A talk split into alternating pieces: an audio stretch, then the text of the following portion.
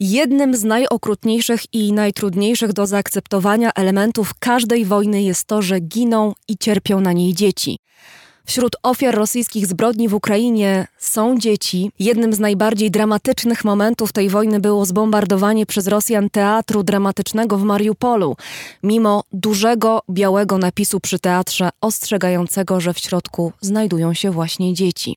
Według szacunku UNICEF-u od początku wojny 2 miliony dzieci opuściło Ukrainę, 2,5 miliona stało się uchodźcami wewnętrznymi, z czego wynika, że 4,5 miliona dzieci musiało opuścić swoje swoje domy, a wojna jeszcze się nie skończyła. Co to znaczy dla najmłodszego pokolenia Ukraińców, dla ich przyszłości, skoro wojna przerwała im nie tylko spokojne dzieciństwo, ale także możliwość edukacji? O tym porozmawiam z doktorem Tomaszem Rożkiem.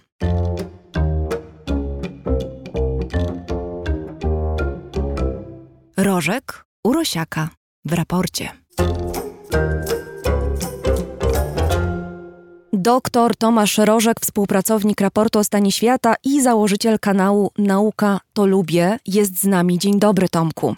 Dzień dobry. Przytoczyłam przed chwilą ponure liczby. 4,5 miliona ukraińskich dzieci od początku wojny musiało opuścić swoje domy. Duża ich część trafiła do Polski. Wojna, ucieczka z wojny to jest potworne doświadczenie samo w sobie, ale dla dzieci to może być także ogromna wyrwa w życiorysie, której być może nie będzie się dało już później nigdy wypełnić, bo dla dzieci taki kryzys oznacza przerwanie edukacji. Chciałam Cię, Tomku, na początek zapytać, kiedy luka edukacyjna staje się na tyle poważnym problemem pokoleniowym, że można mówić o pokoleniu straconej szansy? Bardzo trudno na to pytanie odpowiedzieć, dlatego że brakuje odpowiednich badań. Być może to dobrze, że ich brakuje, bo to oznacza, że w ostatnim czasie e, nie mieliśmy tak drastycznych e, wydarzeń, zdarzeń, przynajmniej w świecie zachodnim, no, które byłyby podstawą badań. E, jakąś podstawą badań jest pandemia, która spowodowała, że miliony uczniów, miliony dzieci musiało przejść na edukację zdalną. I tutaj badania są. Natomiast jeżeli chodzi chodzi o, o wcześniejsze wydarzenia, to zwykle one były bardzo regionalne i były krótsze. Zdefiniujmy może, Tomku, czym de facto jest luka edukacyjna, kiedy możemy o niej mówić i na czym w praktyce ona polega. Luka edukacyjna niekoniecznie musi wiązać się zresztą z wojną albo z jakimś nieszczęściem. Luka edukacyjna to jest różnica pomiędzy tym, co dziecko e, potrafi, a tym, co powinno potrafić w tym wieku, w tym systemie, w którym funkcjonuje. I już sama ta definicja pokazuje, że w zasadzie poruszamy się w takich obszarach mocno nieostrych, bo luka edukacyjna zupełnie czym innym jest w Stanach Zjednoczonych, a zupełnie czym innym w Europie, chociażby dlatego, że mamy inne poziomy szkół. Więc to nie jest tak, że luka edukacyjna jest czymś obiektywnym, mierzalnym i czymś takim, co w Polsce będzie dokładnie takie samo jak na przykład w Ameryce Południowej czy w Stanach Zjednoczonych. Natomiast tak intuicyjnie to jest to, to jest ta strata, która, która wynika z, no właśnie, i teraz tych powodów luk edukacyjnych może być bardzo dużo. Oczywiście także wojna, oczywiście także na przykład przerwany cykl edukacyjny, ale także bieda. Wspomniałeś, e, Tomku, o pandemii jako o takim czasie, kiedy ta luka edukacyjna dotknęła wiele dzieci. W czasie pandemii problemem był dostęp do laptopów, prawda? Był problem wiążący się z tym, o czym mówisz, z nierównością ekonomiczną, która sprawia, że niektóre dzieci nie mogły w takim samym stopniu jak inne z tej nauki czerpać. To prawda, natomiast w przypadku pandemii i w przypadku um, technologii cyfrowych ta luka edukacyjna w mniejszym stopniu, ale także dotyczyła osób e, może nie tyle majętnych, ile na tyle majętnych, żeby rzeczywiście było stać na komputer e, dla dziecka i szybki internet. Są takie badania m, w Stanach Zjednoczonych, bo większość tych badań i większość tych intuicji, które ja mam, e, one są oparte o badania robione w Stanach Zjednoczonych. Firma McKinsey wydała taki raport całkiem niedawno, w którym zbadała mm, i porównała i zbadała lukę edukacyjną związaną z mm, e, pandemią COVID-19. I e, na konkretnym przykładzie, bo nie chcę mm, Państwa, nie chcę Ciebie zasypywać mnóstwem e, danych cyfrowych, ale na konkretnym przykładzie okazało się, że czas pandemii w Stanach cofnął statystycznego amerykańskiego ucznia w edukacji matematycznej o około 9 miesięcy. Ale już statystycznego ucznia kolorowego o 12 miesięcy. Absolutnie nie dlatego, że dzieci czarnoskóre czy w innych, e, innych kolorach e, skóry e, gorzej uczą się matematyki, tylko dlatego, że statystycznie one są mniej majętne. I to pokazuje ten konkretny przykład, ta konkretna liczba 9 miesięcy, 12 miesięcy. Nie mówimy o zamknięciu szkoły, mówimy o szkole, która przechodzi na system zdalny, że nagle się okazuje, że majętność zaczyna mieć jeszcze większy wpływ, bo ona ma zawsze wpływ. Zawsze. To jest niezliczona liczba badań, które pokazują, że jest ścisła korelacja pomiędzy poziomem edukacji a majętnością. Chociaż nie oznacza to z automatu, że dziecko biedne jest gorzej nauczone. Mówimy cały czas o statystyce. Są oczywiście przypadki, i tych przypadków nie jest mało przecież, gdzie dziecko pochodzące z domu o na, no, no, niższym poziomie ekonomicznym, przez to, że ma świadomych rodziców, jest dużo lepiej wykształcone niż dziecko pochodzące z domu tak zwanego bogatego. Ale mówimy tutaj o statystyce. Niestety w tych badaniach się zawsze wszystko uśrednia, bo tylko wtedy widać trendy. 9 miesięcy, 12 miesięcy. Trzy miesiące różnicy, prawda? To jest, to jest dużo. Z całą pewnością bieda, o której mówisz, e, powoduje wykluczenie cyfrowe tych biedniejszych dzieci i to jest jednym z czynników e, luki edukacyjnej, ale chyba nie jedynym, prawda? Bo szkoła to nie jest tylko miejsce, gdzie dzieci uczą się konkretnych przedmiotów, gdzie nabywają wiedzę, tylko to jest całe doświadczenie, doświadczenie również społeczne. Tak. I wyrwanie dziecka z tego kontekstu społecznego, z kontekstu emocjonalnego również jest ważne i to chyba też jest bardzo ważne w kontekście ukraińskich dzieci, które no, zostały wyrwane z kontekstu nie tylko szkoły, swojej, do której chodziły swojej klasy, nauczycieli, rówieśników, ale z całego też kontekstu kulturowego, w którym były. To prawda i słabą stroną y, tych raportów, czy tego raportu, który przed chwilką przytoczyłem, ale też wielu innych, jest to, że to, o czym Ty teraz wspomniałaś, jest bardzo trudno mierzalne. I jeżeli próbować to jakoś opisać i zmierzyć, to mamy na to szansę dopiero po wielu, wielu, wielu latach. Ponieważ tak jak e, poziom matematyki czy jakiegokolwiek innego przedmiotu można zmierzyć jakimś rodzajem testu. Oczywiście nieporównywalnie łatwiej jest mierzyć wyniki czy wiedzę w naukach ścisłych niż w naukach humanistycznych, ale jednak da się to zrobić. Tak w przypadku tych rzeczy, o których ty powiedziałaś, czyli tego wszystkiego, co czasami dzieje się pod dachem szkoły, ale co nie jest lekcją, co jest e, wychowaniem społecznym, nie wiem czy tak mogę powiedzieć, co jest e, wzrastaniem przez e, przez współpracę z innymi ludźmi, młodymi ludźmi, rówieśnikami, co jest rozwiązywaniem konfliktów w grupie. Jakąś formą socjalizacji, tak, prawda? niezwykle mhm. istotna kompetencja, umiejętność znalezienia się w grupie w sytuacji, w której w tej grupie jest jakiś konflikt. Nie mówię o dużych konfliktach, mówię o małym nawet. E, dziecko, które tego nie potrafi, e, ma bardzo trudne życie więc oczywiście, że wyrwanie ze szkoły, wyrwanie ze środowiska, zamknięcie szkoły, nawet jeżeli to jest zamknięcie szkoły takie mm, fizyczne, a szkoła przechodzi e, w fazę online, no teoretycznie na tych ekranikach widzimy swoich przyjaciół i kolegów, koleżanki. To nie jest to samo.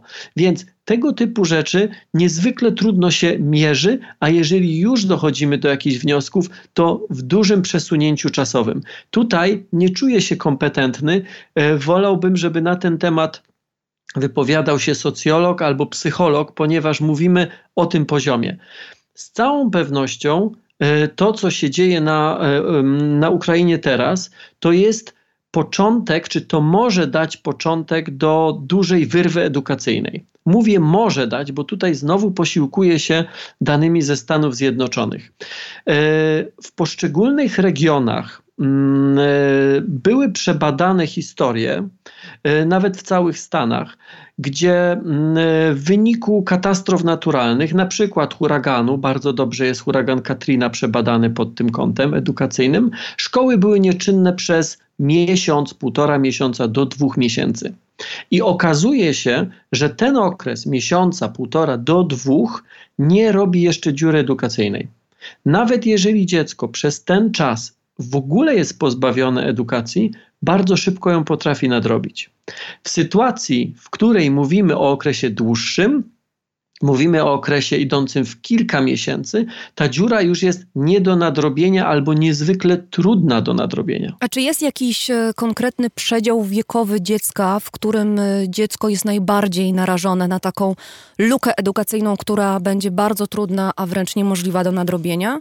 Potencjalnie takim wiekiem jest, e, czy takim przedziałem e, jest początek szkoły podstawowej. Mówię potencjalnie, dlatego że e, bardzo dużo zależy tutaj od rodziców.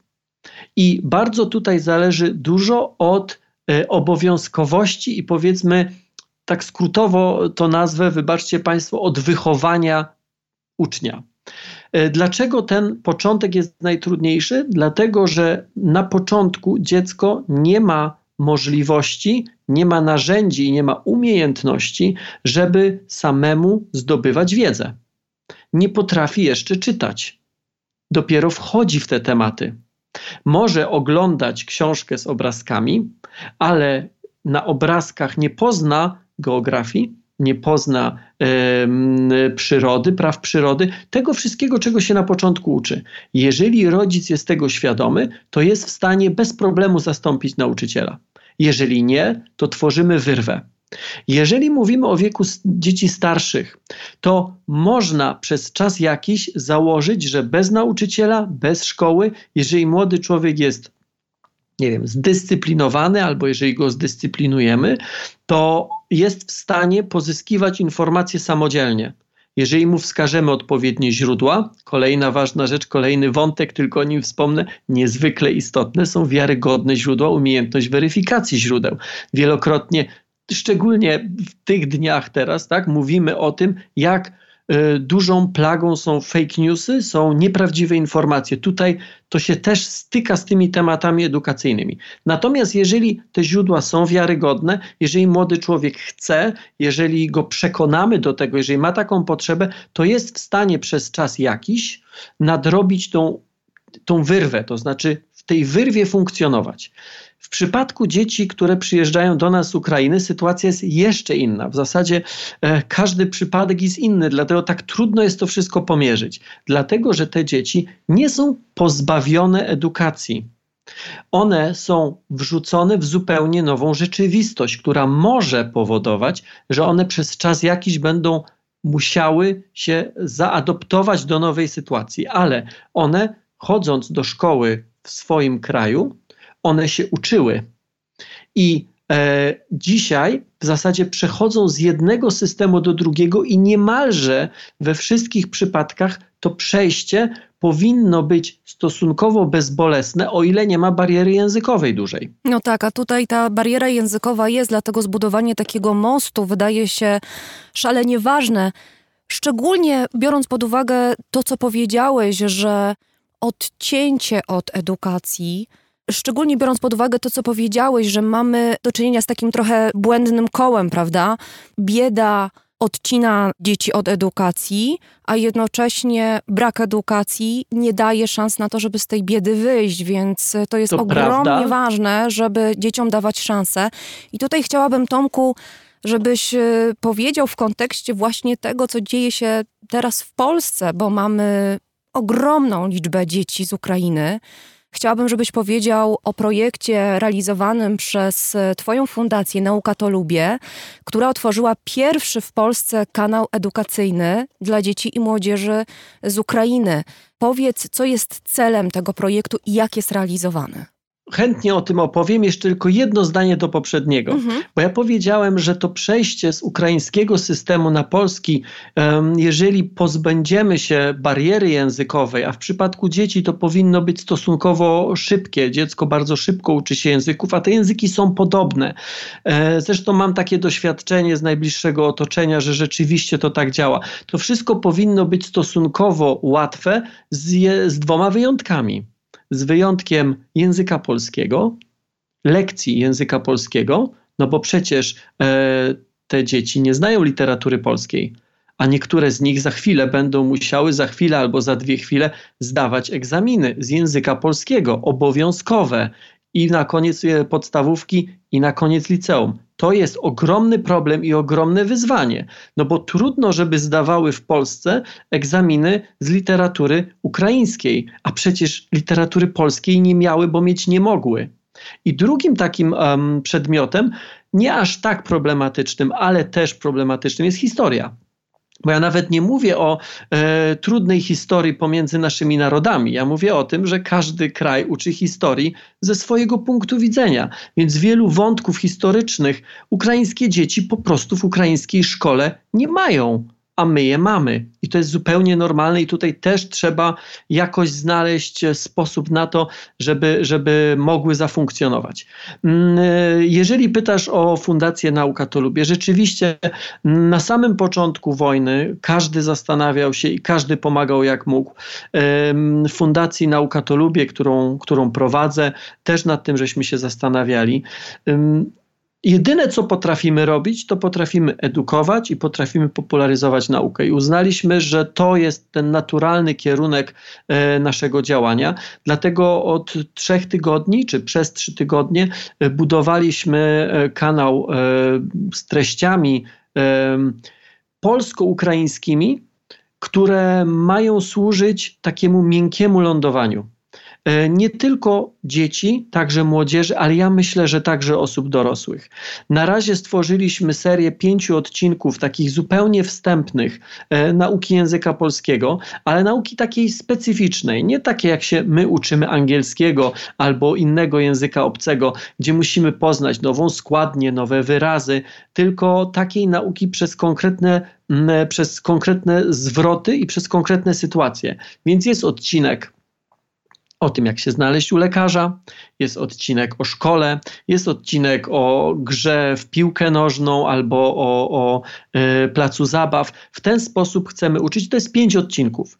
Za dwa, może za trzy dni pojawi się e, kolejny pakiet odcinków um, takiej serii, którą zrobiłem już kiedyś na mój kanał dziecięcy Nauka to Lubię Junior e, o człowieku. Taki ciekawostkowy serial animowany o człowieku i on też będzie dostosowany, on już jest dostosowany z ukraińskim w odpowiednich momentach i e, po kolejnym tygodniu wejdzie druga seria. Mm, wczoraj dopinałem scenariusze tej serii e, o wakacjach, o kinie, o koncercie, o teatrze, czyli o tych wszystkich rzeczach, które e, co prawda nie kojarzą się wprost ze szkołą, ale z całą pewnością chcielibyśmy, żeby kojarzyły się tym młodym ludziom, trud, ciężko doświadczonym z funkcjonowaniem w nowym świecie, funkcjonowaniem w świecie, w którym nic im nie zagraża.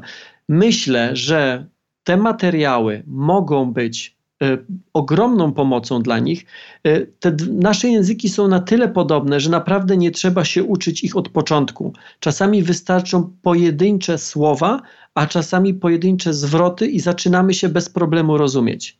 Ale też chciałbym bardzo i zachęcam do tego bardzo, żeby to była pomoc yy, naukowa. Wiem o tym, że w wielu szkołach nauczyciele języka polskiego, języka angielskiego uczą polskiego ukraińskie dzieci. Nie mają pomocy naukowych. To może posłużyć za pomoc naukową. Zachęcam do tego. Proszę o to i przy okazji bardzo, bardzo proszę Państwa o udostępnianie tej informacji, bo um, algorytmy mediów społecznościowych działają w ten sposób, że nam jest bardzo trudno dotrzeć do innej grupy językowej. Oczywiście informacje o tym nowym kanale wieszamy w różnych miejscach, w różnych, na różnych forach, ale to Państwo słuchając podcastu um, znacie, a może sami pomagacie ukraińskim rodzinom albo znacie tych, którzy pomagają ukraińskim rodzinom. Bardzo proszę, udostępnijcie te informacje. Wszystkie dane, wszystkie informacje, linki znajdują się pod adresem naukatolubie.pl. I my, raport o stanie świata, przyłączamy się do apelu o udostępnianie informacji o tym projekcie Fundacji Nauka to Lubię. Pierwszy w Polsce kanał edukacyjny dla dzieci i młodzieży z Ukrainy. Doktor Tomasz Rożek, twórca fundacji i kanału Nauka to Lubię. Tomku, bardzo Ci dziękuję i do usłyszenia. Bardzo dziękuję.